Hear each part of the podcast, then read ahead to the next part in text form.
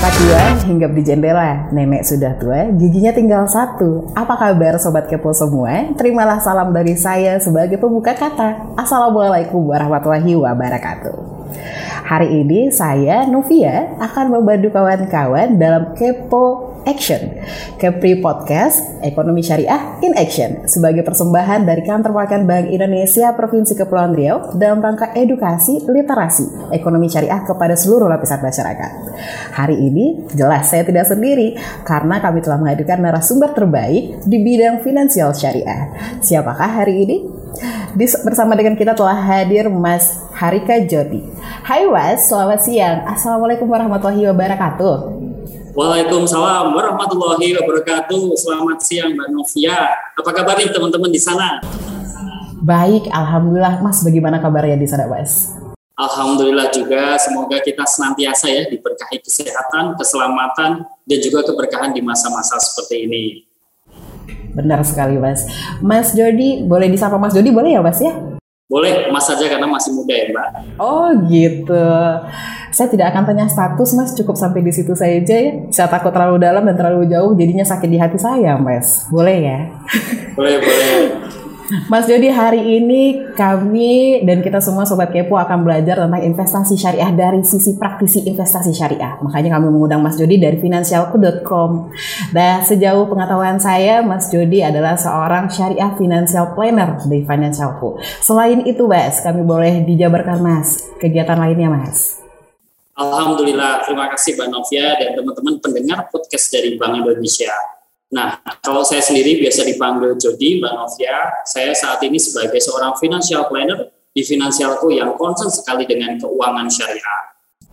Benar sekali Mas, saat ini investasi memang sangat diperlukan, apalagi seperti milenial ya Mas ya. Tidak usah jauh-jauh contohnya saya saja Mas, masih kurang paham tentang investasi seperti apa. Dan sepertinya podcast ini menjadi tujuan dari itu bukan Mas? Ya, ya betul banget Mbak. Nanti insya Allah kita akan bahas ya pelan-pelan ya terkait dengan bagaimana sih produk dasarnya investasi syariah, kemudian mengapa kita harus menggunakan itu sampai dengan nanti perkembangan investasi syariah di Indonesia. Harapannya nih teman-teman setelah mendengarkan podcast ini ya, yang sebelumnya belum pernah berinvestasi, kita sama-sama yuk kita berinvestasi syariah mulai dari yang paling kecil dan sesuai dengan tujuan keuangan. Nah, kalau yang sudah berinvestasi, pelan-pelan kita juga pindahkan nih sebagian investasi kita dari konvensional ke syariah dan ini kita tidak hanya mengejar keuntungan duniawi saja tetapi juga insya Allah banyak sekali keberkahan yang ada di dalamnya. Oh begitu ya Mas ya. Nah kalau begitu kita mulai saja Mas dari yang pertama dulu Mas. Pertanyaan mendasar ya, investasi syariah. Kenapa saya harus investasi syariah Mas? Kan ada investasi jenis lain Mas. Ya, sebenarnya Mbak Novia ini sangat menarik sekali ya. Sebelum kita berbicara tentang investasi syariah, kata investasi itu sendiri sebenarnya kalau di dalam Islam ini sudah syariah Mbak. Kenapa? Karena memang ada untung dan rugi. Nah ini yang pertama-tama harus dipahami dulu teman-teman. Jadi dalam berinvestasi kita nantinya harus tahu dulu bahwa ke depan ini bisa menjadi untung dan juga rugi dan ini sama-sama harus kita tanggung bersama. Sehingga sebenarnya konsep investasi sendiri sudah sangat syariah. Nah, tetapi kita sebagai umat muslim memang ya diwajibkan untuk berinvestasi ke dalam produk-produk syariah karena yang pertama ini adalah ikhtiar kita menuju proses ketakwaan seperti yang sudah dijelaskan oleh Allah Subhanahu wa taala di dalam Quran surat Al-Hasr ayat 18 yang menyatakan bahwa kita diminta berikhtiar untuk bertakwa untuk memperhatikan apa yang telah kita perbuat untuk hari esok. Nah, kenapa saya langsung mengarahkan ke investasi syariah? Karena Mbak, di dalam produk investasi syariah ini ada berbagai macam keberkahan dan manfaat yang tidak hanya kita rasakan saat ini saja, saat kita hidup di dunia, tetapi juga insya Allah ya ini ada banyak manfaat dan juga berkahnya yang masih akan terbawa meskipun saat nanti kita qadarullah sudah meninggal dunia. Nah, salah satu contohnya misalkan ya ada investasi syariah namanya sukuk wakaf. Nah, sukuk wakaf itu investasinya sekarang, tapi insya Allah pahalanya nanti juga bisa menjadi amal jariah setelah kita tidak ada. Nah, kurang lebih seperti itu ya Mbak ya. Jadi benefitnya tidak hanya ada di duniawi saja, tetapi insya Allah juga bisa memberikan bekal kita di hari akhir kelak. Oleh karena itu, kita sebagai umat muslim, yuk kita sama-sama beralih pelan-pelan menggunakan investasi syariah. Wah, luar biasa sekali, Wes. Berarti investasi syariah itu tidak hanya untuk keuntungan kita, tapi juga amalan gitu ya, Wes ya? Sesuai yang Mas sampaikan tadi ya, Wes ya? Berarti kalau begitu prinsip dasarnya investasi syariah apa, Mas? Nah, sebenarnya ini Mbak, ini sangat-sangat basic sekali ya prinsip-prinsip syariah. Itu adalah yang apa yang telah dituliskan di dalam Al-Quran. Jadi secara secara sederhana kalau sama-sama kita berbicara tentang investasi, sebenarnya kan sama ya. Kita benar-benar membeli membeli sebuah produk atau barang dan jasa yang lain sebagainya yang bisa memberikan keuntungan di masa-masa mendatang atau bagi hasil. Nah, untuk investasi syariah tentunya sudah diatur di dalam Al-Quran dan hadis dan ini juga sudah dirincikan ya oleh para ulama kita yang ada di Dewan Syariah Nasional Majelis Ulama Indonesia.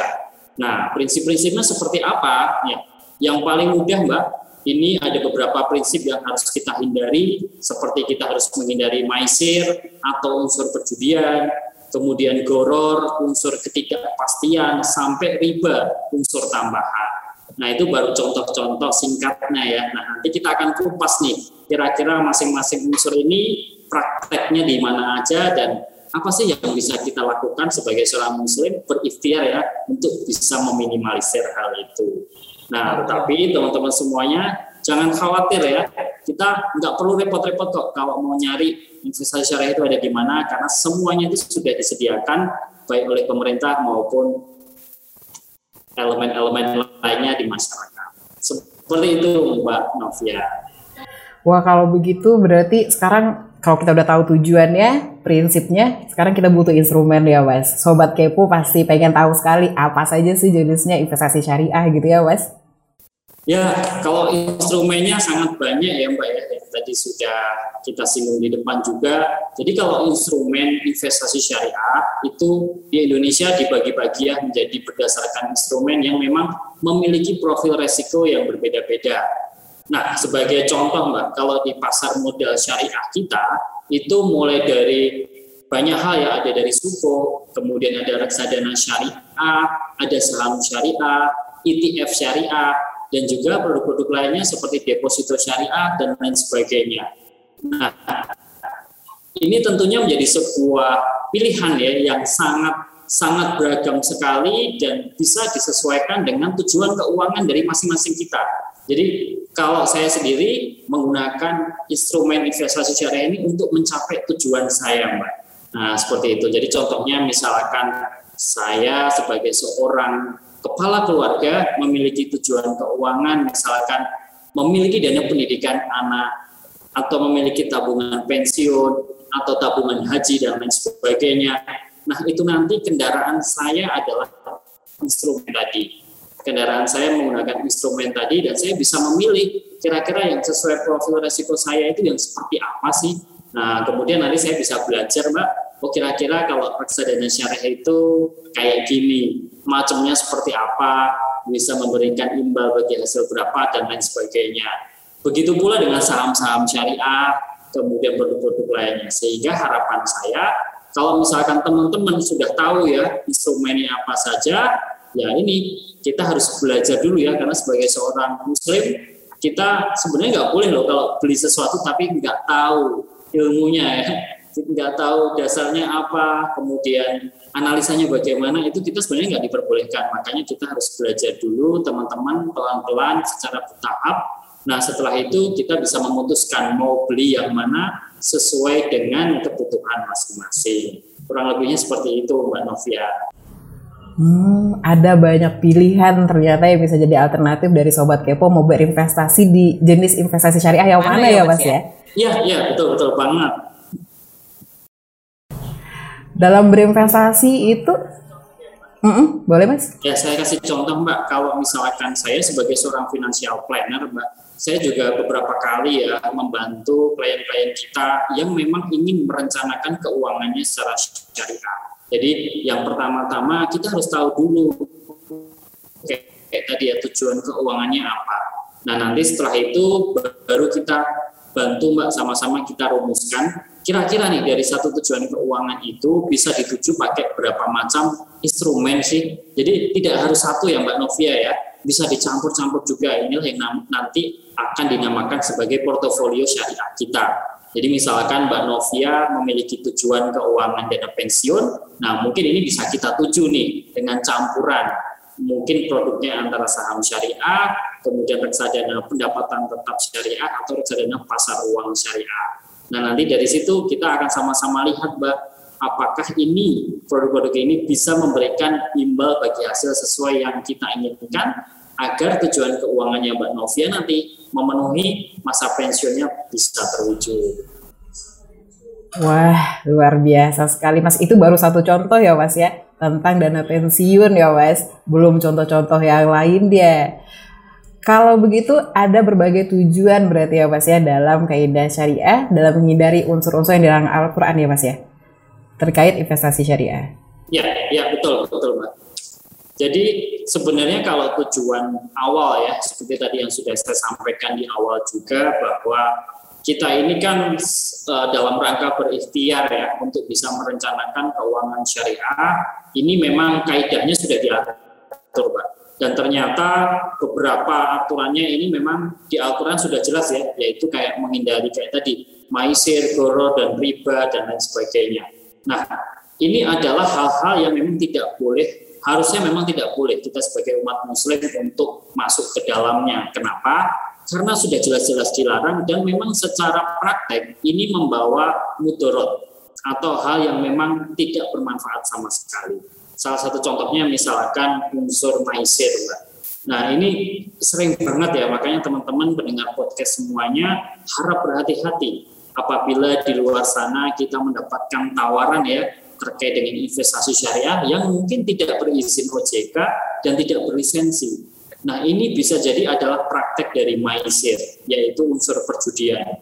Nah ini banyak sekali Mbak, di lingkungan saya, kemudian di daerah saya, kebetulan saya di Yogyakarta ya, selama ini saya menjumpai itu berbagai macam praktik investasi syariah yang ternyata melenceng. Nah, ternyata itu menggunakan prinsip perjudian, misalkan seperti skema ponzi atau misalkan seperti arisan bodong dan sebagainya. Nah, ini benar-benar harus dihindari teman-teman karena menguntungkan segelintir pihak saja. Nah, ini karena bertentangan sekali dengan prinsip ekonomi syariah karena pada ekonomi syariah itu kita harusnya ya memperhatikan dan juga bermanfaat untuk orang banyak. Jadi harus ada nih asas kebermanfaatannya ya. Jangan sampai hanya menguntungkan segelintir orang dan ujung-ujungnya apa? Penipuan nantinya ya. Ujung-ujungnya penipuan dan ini memang konsepnya udah nggak jelas, ada gorornya dan ada perjudiannya. Nah itu itu tujuan kita ya Mbak ya untuk bisa berinvestasi syariah. Nah, kemudian yang terutama teman-teman kita mengajak ya untuk meminimas, meminimalisir riba ya. Nah, riba sendiri ada cukup banyak sebenarnya di Indonesia, tetapi alhamdulillah ya saat ini juga pemerintah sudah menyediakan berbagai macam layanan dan juga produk-produk yang memang sudah nih diminimalisir dan sudah dihilangkan potensi ribanya. Nah, itu apa? Yaitu yang tadi kita bahas, Mbak, yaitu adalah investasi syariah terutama yang sudah ada di dalam daftar efek syariah. Sehingga harapannya nih teman-teman semuanya kita bisa ya masuk memasukkan sebagian dana kita, uang kita dan lain sebagainya untuk tujuan keuangan jangka panjang dan sama sekali bisa terhindar dari riba insya Allah. Nah seperti itulah Mbak tujuan keuangannya dan semata-mata ini untuk mencari keberkahan Mbak jadi kalau saya sendiri sebagai seorang praktisi dan juga pengguna ya investasi syariah, saya senang sekali menggunakan ini karena kadang-kadang saya itu merasa ini keberkahannya tidak hanya ke diri saya sendiri tetapi juga bisa ke keluarga, Mbak. Jadi ke anak, ke anak bisa, kemudian ke keluarga, ke orang tua bisa, ke saudara bisa dan lain sebagainya karena keberkahan ini tidak hanya melulu soal materi tetapi juga bisa tentang kesehatan, kemudian sekolahnya lancar mungkin ya, atau mungkin jodohnya lancar dan lain sebagainya. Nah, ini semata-mata keberkahan yang kita bawa dari investasi syariah. segala hal yang dimulai dengan baik hasilnya pasti baik ya Mas ya. Insya Allah, Insya Allah baik. Benar sekali Mas, kalau tadi Mas sudah jelaskan bahwa uh, gunakanlah investasi syariah yang dalam pengawasan otoritas jasa keuangan. Nah kalau di Indonesia sendiri Mas, investasi syariah itu kondisinya seperti apa sih Mas saat ini? Ya, Alhamdulillah Mbak Novia dan juga teman-teman semuanya ya. Saat ini girohnya kita sangat terasa sekali bahwa ini mulai naik ya pelan-pelan. Seperti yang kita ketahui bersama ya, tahun lalu menurut survei dari OJK, itu kan kita masih memiliki literasi keuangan yang cukup rendah ya sebenarnya ya. Literasi keuangan syariah, yaitu di angka 8,9 persen. Nah tentunya dengan angka yang masih kecil itu, sementara potensi kita sangat luas sekali sebagai seorang bangsa ya, sebagai sebuah negara yang memiliki penduduk muslim terbesar di dunia, ini sebenarnya adalah berkah Kenapa saya bilang berkah? Karena saya melihat bahwa oh ternyata tugas kita masih panjang. PR kita masih panjang untuk bisa meningkatkan ya tingkat literasi keuangan syariah dan ujung-ujungnya adalah inklusi keuangan syariah. Karena kalau dengan tingkat seperti itu berarti masih banyak masyarakat di luar sana yang perlu kita rangkul dan juga kita berikan pemahaman terkait dengan produk-produk investasi syariah. Nah, kemudian seiring berjalannya waktu, Mbak, ternyata dari data-data yang ada pun, Alhamdulillah sekarang juga sangat bagus sekali. Kemarin aja pada saat saya ada acara juga ya, bersama dengan Bursa Efek Indonesia, Mbak, itu ternyata jumlah pengguna SOTS ya, Syariah Online Trading System, itu sudah menembus angka psikologis 100 ribu rupiah. Mohon maaf, 100 ribu pengguna 100 ribu pengguna dari akun rekening efek syariah. Nah ini benar-benar sebuah lompatan Mbak yang sangat tinggi sekali ya. Jadi teman-teman kita selama pandemi kemarin itu alhamdulillah juga sudah banyak beralih ke instrumen-instrumen syariah. Nah kemudian perkembangan lain yang tentu kita syukuri Islamic Capital Market kita ya Pak mendapatkan penghargaan sebagai yang paling terbaik selama tiga tahun berturut-turut. Itu penghargaannya dari GIFA. Nah, Alhamdulillah juga pemerintah pun juga memberikan dukungan bahwa sekarang penerbitan instrumen-instrumen syariah pun juga semakin bervariasi. Nah, salah satu contohnya tadi saya sebutkan, tahun lalu itu kita memiliki produk baru yang namanya sukuk wakaf Nah ini sebuah terobosan yang baru untuk pemerintah bahwa potensi wakaf ini sangat luar biasa besar di Indonesia dan ternyata ini bisa kita kombin ya dengan investasi dengan produk investasi yaitu suku. Nah selama ini yang kita kenal hanya suku retail ya mungkin ya dan juga suku korporasi, tapi ternyata ada juga suku wakaf. Dan kemarin juga ada gerakan wakaf tunai yang sudah diresmikan oleh Pak Presiden kita ya di tahun 2021 seiring dengan adanya gerakan ekonomi syariah dari Komite Nasional Ekonomi dan Keuangan Syariah. Nah, langkah-langkah ini Mbak yang perlu kita apresiasi dan kita merasa ya masa depan investasi syariah ini sangat cerah di Indonesia. Dan semakin nanti bertambah banyak produk ini tentunya menjadi sebuah benefit dan juga keunggulan bagi masyarakat agar bisa mulai. Ayo kita sama-sama melakukan hijrah finansial. Gitu Mbak Novia. Wah luar biasa sekali Mas sudah jelas tujuannya investasi, investasi syariah jelas instrumennya diawasi oleh OJK sekarang tinggal pilihan kita untuk menggunakan dia ya Mas ya. Mau pilih yang mana penggunaannya tujuannya yang mana ya Mas ya. Iya betul betul sekali Mbak. Terima kasih Mas Jody untuk hari ini. Luar biasa sekali. Saatnya bagi kita semua untuk mulai hijrah ya Mas ya menggunakan investasi syariah. Akhirul kata Mas, izinkan saya untuk meminta Mas Jody menyampaikan quote sederhana Mas untuk sobat kepo di mana pemberada untuk hari ini Mas.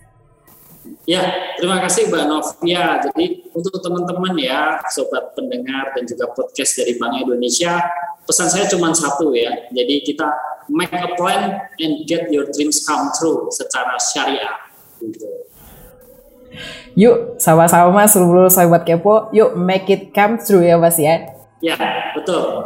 Sama-sama kita membuat rencana dan juga kita menggunakan instrumen-instrumen syariah sesuai tujuan keuangannya.